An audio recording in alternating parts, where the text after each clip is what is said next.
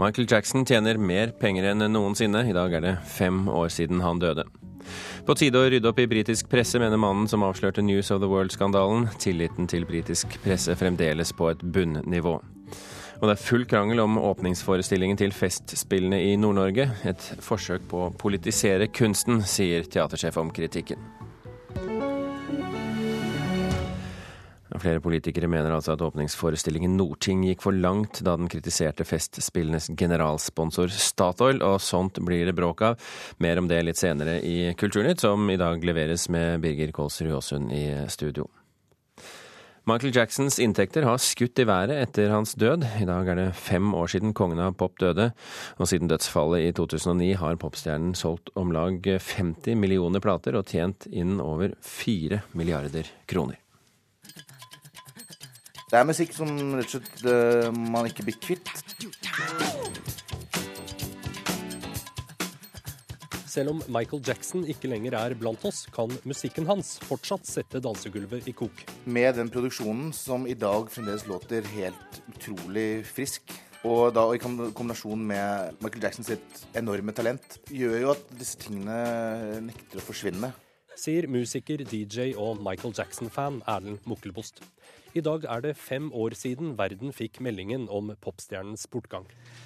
My brother, the legendary king of pop, Michael Jackson, passed away on Thursday, June 25th, 2009 at 2.26 p.m.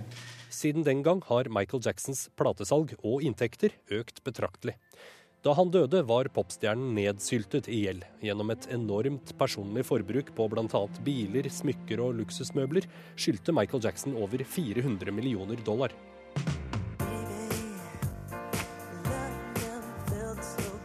Fem år etter er gjelden snart nedbetalt, og inntektene strømmer inn til Jackson-boet. Albumet 'Escape', som ble gitt ut tidligere i år, gikk rett inn på førsteplassen på albumlistene i mange land. Det er jo ganske mange eksempler på kunstnere som har gjort det enda bedre som døde enn som levende. Elvis Presley var et glanseksempel. Sant? Men uh, jeg tror det er to ting som det er med å gjøre. Det ene er myten, altså at myten og legenden lever videre. Uh, men så er det at selve musikken lever videre sier musikkviter og førstelektor ved Norsk institutt for scene og studio, Audun Molde. Og Hvis man virkelig skal få et oppspring som, som varer i, i, lang, lang tid, så må jo selve musikken være bra. Det må være nok mennesker som opplever den som relevant, og så må den være tilgjengelig på alle musikktjenester. Ifølge en ny bok om popstjernens økonomi har Michael Jackson tjent 700 millioner dollar, altså over 4 milliarder kroner, etter sin død. Men det er ikke bare Jacksons egen musikk som sørger for inntektene.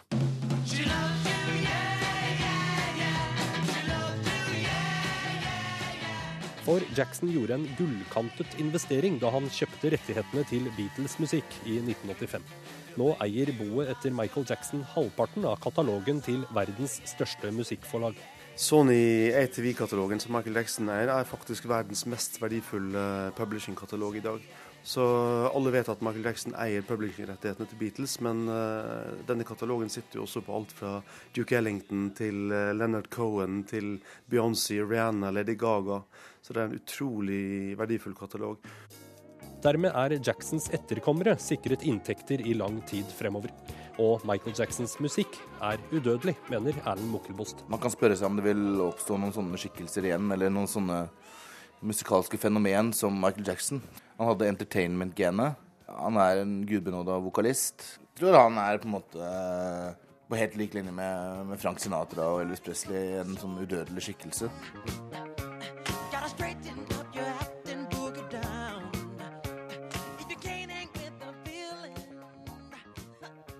Til slutt hører vi her tittelsporet fra platen Off the Wall. Reporter var Halvor Haugen. Og på nettsidene våre, nrk.no kultur, finner du masse mer stoff om eh, Michael Jackson. Blant annet kan du lese om flere norske artisters forhold til kongen av pop. Det er bilder, og det er masse fint.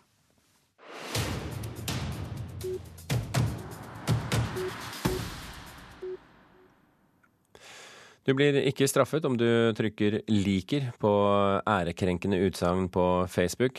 En ny dom fra tingretten slås det fast at å like ikke er medvirkning eller en gjengivelseshandling. Det skriver Aftenposten. En mann fra Østlandet som har eh, liket et innlegg om svindel og bordellvirksomhet, får dermed fortsette med sine tomler opp. Once upon a time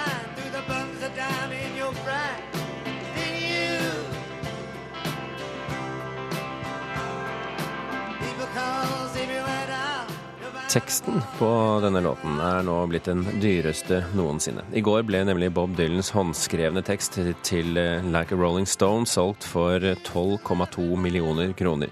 Det var på en auksjon i New York at fire blyantskrevne sider gikk under hammeren. Dylan slår dermed rekorden som lenge var eh, hos John Lennon. Hans håndskrevne tekst til A Day in a Life ble i sin tid solgt for 1,2 millioner eh, kroner. NRK beskyldes for å bryte åndsverkloven. Etter at NRK i fjor begynte å sende opptil 90 sekunder fra tippeligakampene, har flere reagert. Fotballmedia, som forvalter TV-rettighetene for norsk fotball, sier til Klassekampen at NRK kan sende 90 sekunder totalt, ikke 90 sekunder fra hver kamp. De har nå engasjert advokat for å løse konflikten. Juridisk direktør i NRK, Olav A. Nyhus, sier til Klassekampen at de har fortolket lovens ordlyd så ansvarsfullt som de kan. Han frykter ikke at det blir eh, rettssak.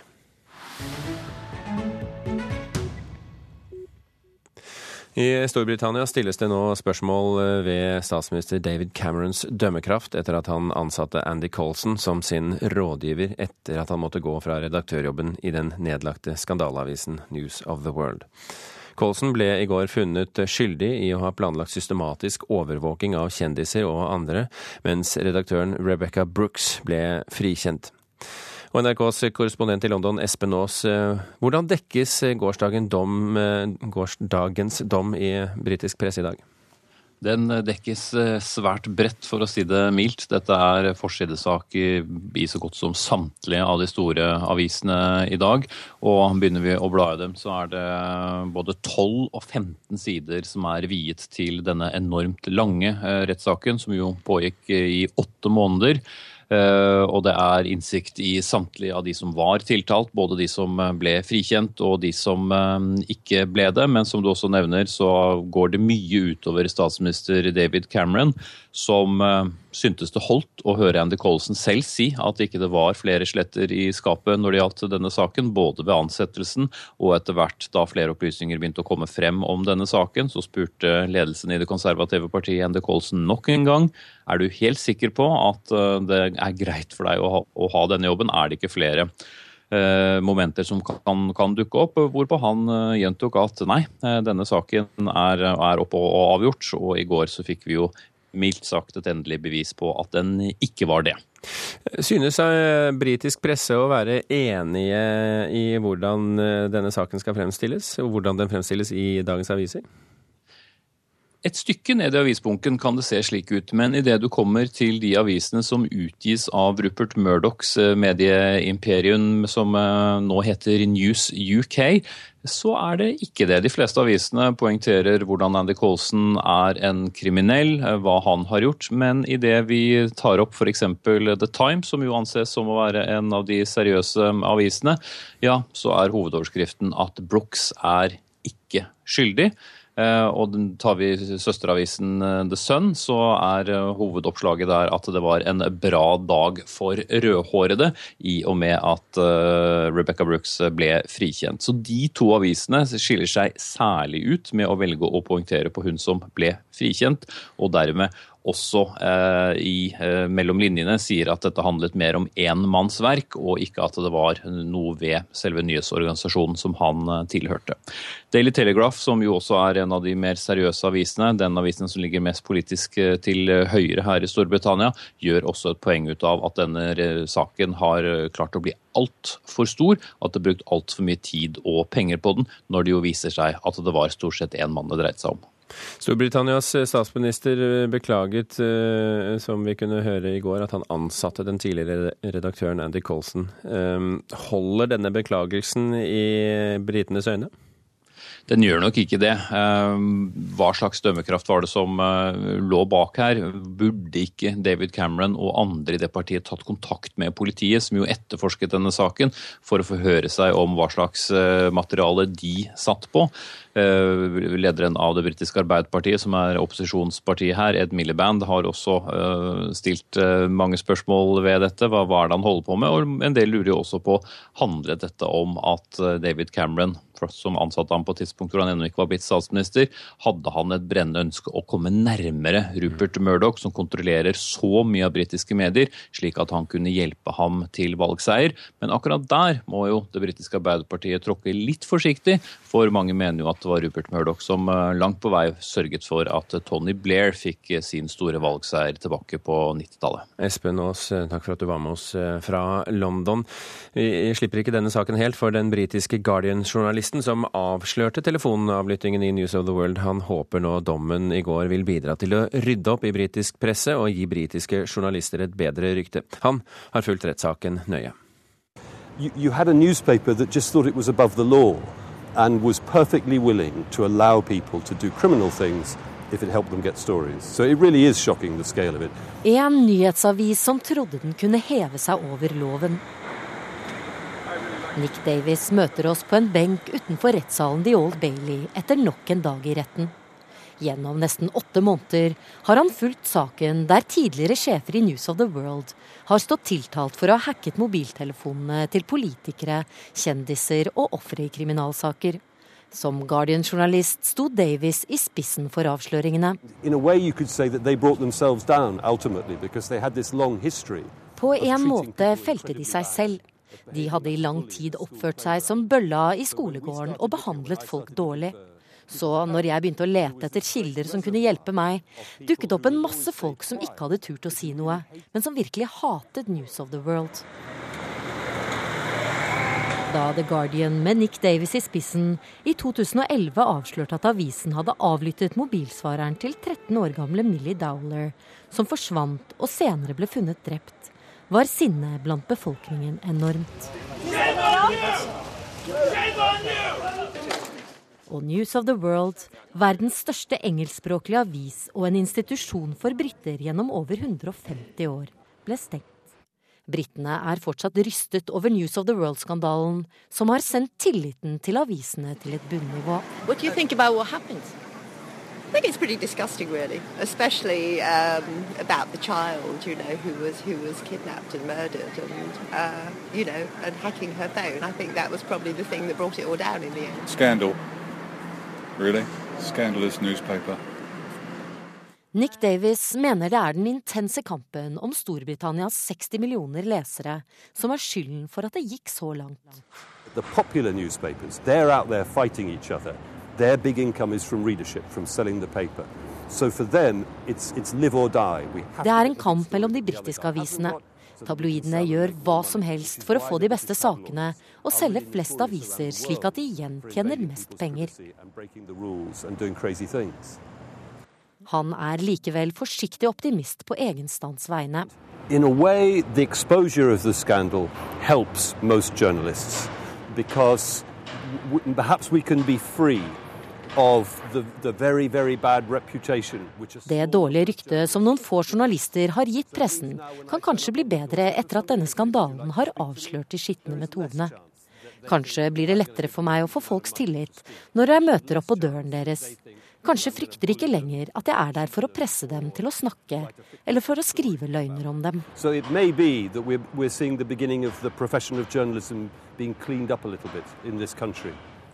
Ja, Det sa Nick Davis til reporter Åsa Vartdal. Klokken er 17 minutter over åtte. Du hører på Kulturnytt i Nyhetsmorgen, og dette er toppsaken i Dagsnytt nå. Det internasjonale fotballforbundet Fifa har åpnet disiplinærsak mot fotballspilleren Luis Suárez, som bet en motspiller under gårsdagens VM-kamp. Religiøse ekstremister i Norge gjør meg utrygg fordi jeg er homofil, sier nyvalgt leder i Sosialistisk Ungdom. Og helseminister Bent Høie vil opprette en egen havarikommisjon for helsevesenet, skriver Aftenposten. Og Norges eneste Hepworth-skulptur selges på auksjon i London i kveld. Eksperter tror den kan havne på museum. Hør mer om det senere i sendingen. Åpningsforestillingen under Festspillene i Nord-Norge har skapt en voldsom debatt. Flere politikere har nå uttalt at forestillingen Nordting gikk for langt da den kritiserte Festspillenes generalsponsor Statoil. Teatersjef Nina Wester ved Hålogaland teater reagerer sterkt på det hun mener er et forsøk på å politisere kunsten. Jeg syns det er usmakelig fordi at uh, det vitner om at man forsøker indirekte å styre kunsten, og også på en måte frata den en type definisjonsmakt jeg syns den har. Pluss at jeg også syns det vitner om at uh, man har et bilde av hva kunsten skal være i et samfunn. Det skal liksom være litt melis og litt sukker på toppen. I gårsdagens Harstad Tidende går bl.a. fylkesmann Svein Ludvigsen hardt ut mot åpningsforestillinga av Amund Sjøli Sveen. Dette er ikke Festspillene i Nord-Norge verdig, sier han, og får støtte fra Festspillstyrets nestleder Andreas Jonas Isaksen, tidligere kommunestyrerepresentant for Høyre. Det opprører Nina Wester. Og Det at nestleder går ut så skarpt og kritiserer festspilldirektøren, det syns jeg er veldig uheldig. Det syns jeg er en debatt som hører hjemme i styrerommet. Pluss at et styre har gitt festspilldirektøren eh, mandat til full kunstnerisk frihet. Og da mener jeg at man ikke skal legge seg bort i det. Min rett til ytringsfrihet er jo på lik linje med alle andres.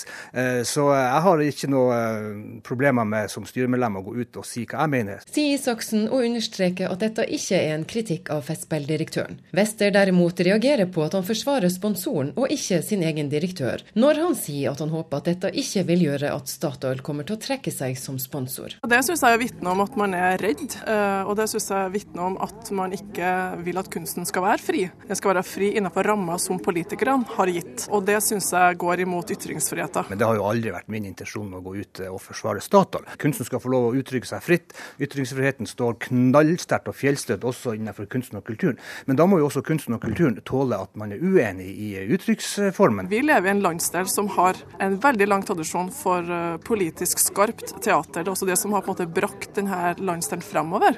Uten kulturrevolusjonen på 70-tallet, hvor hadde Nord-Norge vært? Og at man da forventer seg at en festspillåpning på et 50-årsjubileum liksom skal være bare liksom, eh, hva skal jeg kalle det, sukker og søtt, liksom. Da syns jeg det er fake. Nord-Norge har formelt aldri underlagt seg den norske staten.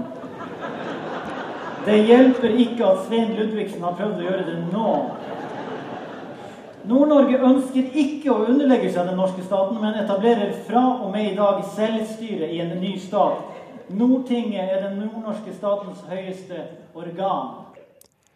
Festspillenes styreleder Halvard Bakke vil ikke uttale seg om saken. og Statoil sier til Harstad Tidende at de ikke har tenkt å la forestillingen gå ut over sponsoravtalen.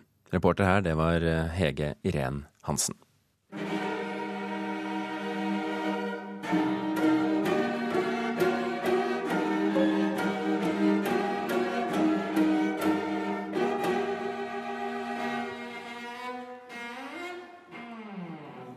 Slik låt det i går kveld da verket 'Ved avgrunnens rand' av russiske Sofia Gubaidolina ble fremført under åpningskonserten ved Risør kammermusikkfest. 82 år gamle Gubaidolina var selv med og fremførte verket. Og musikkritiker her i NRK, Øystein Sandvik, hvordan opplevde du denne konserten i Risør kirke i går? Jo, Som åpningskonserter flest, så var jo dette en konsert som pekte i litt forskjellige retninger, med både taler og musikkuttrykk av litt forskjellig art. Eh, men på sitt beste så bød den på gnistrende musisering og samspill på høyeste nivå. Og dette gjaldt da ikke minst de to musikalske tyngdepunktene i konserten, som da var Sjostakovitsj eh, klaverkvintett helt på slutten, og dette verket som vi hørte fra akkurat nå innledningsvis, av festivalkomponist Sofia Gobaidolina ved avgrunnens rand. Eh, ubuden, det er, eh, det er årets festivaltema. Hva ligger egentlig i det? Ja, Festivalen ønsker å sette fokus på musikk som faller utenfor det etablerte. Da, eh, og på komponister og musikere som har blitt stengt ute av det gode selskap, både av kunstneriske og identitetsmessige grunner. Det kan handle om kjønn eller etnisitet. Eh, og det hele skulle jo da sparkes i gang av Elias Akselsen med en tatersang, men ironisk nok måtte Akselsen melde avbud pga. Av et vepsestikk i halsen. Så han fikk en ubuden gjest, han også. Eh, så i stedet så fikk vi da en voldsomt virtuos eh, bulgarsk-inspirert trekkspillimprovisasjon av eh, Stian Karstensen. Det var virkelig bakoversveis for vi som hørte på. Men dette med ubuden gjelder jo da kanskje særlig årets festivalkomponist, da, Sofia Gobaidolina, som ikke ble akseptert i Sovjetunionen den gangen. Den eksisterte, og konstellasjonen Gobaidolina og Sjostakovitsj gjorde virkelig inntrykk. De var jo kolleger eh, i Sovjet frem til 75, da Sjostakovitsj eh, døde. Og det var virkelig en følelse av begivenhet å oppleve Gobedonina selv, 82 år gammel, som musiker da på instrumentet waterphone i dette verket, som utgjorde en slags kontrast til celloklangen. Det hørtes ut som en slags transfigurert cello som lokket fra den andre siden av avgrunnen. Vi kan høre litt på hvordan det låter.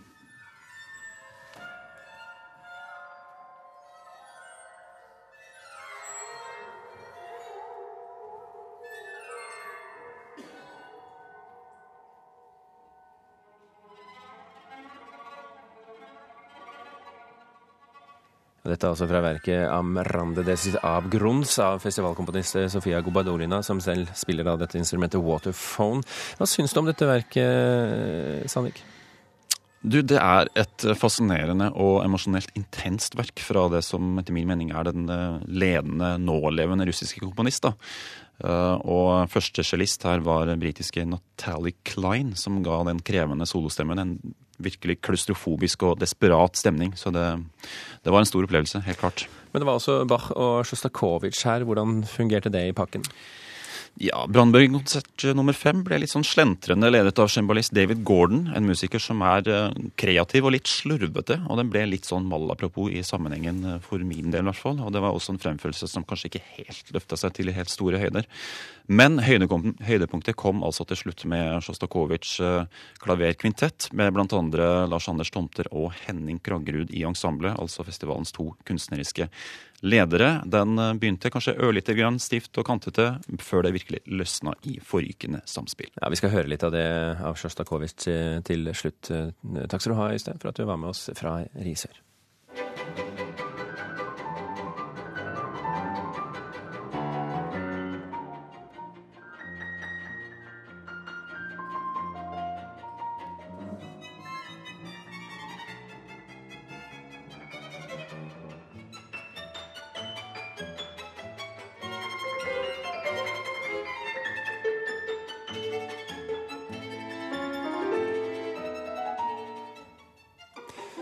Belgiske Polina Lesjenko ved klaveret her, i samspill med bl.a. Henning Kragerud og Lars Anders Tomter i Dmitrij Sjostakovitsjs klaverkvintett i G-moll fra åpningskonserten ved Risør kammermusikkfest i Risør kirke i går kveld. Og denne konserten kan du høre, hvis du har lyst, her i NRK P2 på fredag kveld. I kveld går Norges eneste skulptur av britiske Barbara Hepworth under eh, hammeren hos Christies i London. Målet med det omstridte salget er å redde driften av Kunsthall Stavanger. Auksjonshuset regner med å få mellom 10 og 20 millioner kroner for skulpturen, og eksperter tror den havner på et museum. We are incredibly excited at Christie to be handling um, the Kunsthall Stavanger's Hepworth figure for landscape. It's a unique opportunity for collectors of sculpture en unik mulighet for samlere av skulpturer. Slike verk kommer ikke ofte på markedet, sier André Slattinger i en video på Christies hjemmeside. Avdelingslederen i auksjonshuset omtaler kveldens auksjon av Barbara Hepworth-skulpturen 'Figure for Landscape'. Um, den kommer fra Stavanger, der den har stått i 46 år. Nå vil kunsthallen selge den for å redde økonomien. We're very grateful to be asked to handle sale. Dette vil skape begeistring hos samlere, sier Christies mann. Hepworth regnes som en av de viktigste skulptørene i sin samtid. Når det omstridte salget nå nærmer seg, er prisestimatet fra auksjonshuset på mellom 10 og 20 millioner kroner. Det er realistisk, mener daglig leder i Blomkvist kunsthandel i Oslo, Knut Forsberg. Ja, det syns jeg. Men jeg er litt overrasket over hvor stort spenn Christie eh, setter på den. Det virker som de er veldig spente på hvor den skal gå. men de fra 10 til 20 millioner er en veldig vid vurdering, syns vi, da. Det at det er et så stort spenn, hva kan det komme av? Det er at de er sjelden fremme, og da er det vanskelig å prise. Obviously, with the scale of this Hepworth, it needs to be in a great landscape, and that's so much what Hepworth wanted. She wanted Hepworth ville selv at disse bronseskulpturene, som det finnes sju av, skulle stå ute i landskapet. Den som nå selges, har stått under trærne utenfor Kunstforeningen på Madlaveien i Stavanger siden 1968. Den er over to meter høy og har en abstrakt kvinnelig form. De andre står i museet Tates Hepworth Park i St. Ives, samt i institusjoner i San Diego, Washington DC, Los Angeles og Exeter. Forsberg tror skulpturen vil havne i et museum i utlandet. Det er jo eh, klart en museumsgjenstand. Finnes det også private samlere som kan tenkes å bla opp en sånn sum? Å ja, det finnes det mange av. Dette er en viktig skulptur av hennes. så jeg vil bli veldig overrasket hvis den ikke blir solgt. Det finnes nok både private interesser, men framfor alt eh, så tror jeg nok at eh, en del engelske museer gjerne skulle ville ha en, en fin Barbara Hepworth-skulptur. Sier Sune Nordgren, den tidligere direktøren for Nasjonalmuseet for kunst, tror det var klokt av Kunsthall Stavanger å velge London som auksjonssted. Ja, det er fullkomlig naturlig. Jeg tror aldri at man skulle komme opp i de prisene i Skandinavien. Så at, eh, der tror jeg, jeg tror det er veldig klokt å selge den i London. Lystige toner i London-video, men hjemme er det full krig og splittelse i kunstmiljøet, med opprop og underskriftskampanjer på begge sider. På den ene siden står de som mener det faktisk er viktigere å bevare den nye kunsthallen enn å beholde skulpturen, som Gardar Eide Einarsson, Ida Ekblad og her Tove Kommedal. Det er klart at Hvis det er det eneste trumfkortet som en kunsthall har, så må man bruke det. På den andre siden står de som mener at et så viktig kunstverk ikke må omsettes i penger for å drifte en institusjon. Som Jan Groth, Olav Kristoffer Jensen og her Marit Ånestad. Det syns jeg er helt tragisk, og det hører ingen plass hjemme å fjerne skulpturen fra byen og fra Norge. Um, well I kveld blir det uansett auksjon. Sune Nordgren er på sin side ikke overrasket over konfliktnivået. Nei, ikke alls. Hvorfor ikke det? Nei, Det er så det bruker jeg til i Norge. Stavanger tingrett har avvist to forsøk på å stanse salget, og begge avgjørelsene er anket. Reporter var Anette Johansen Espeland.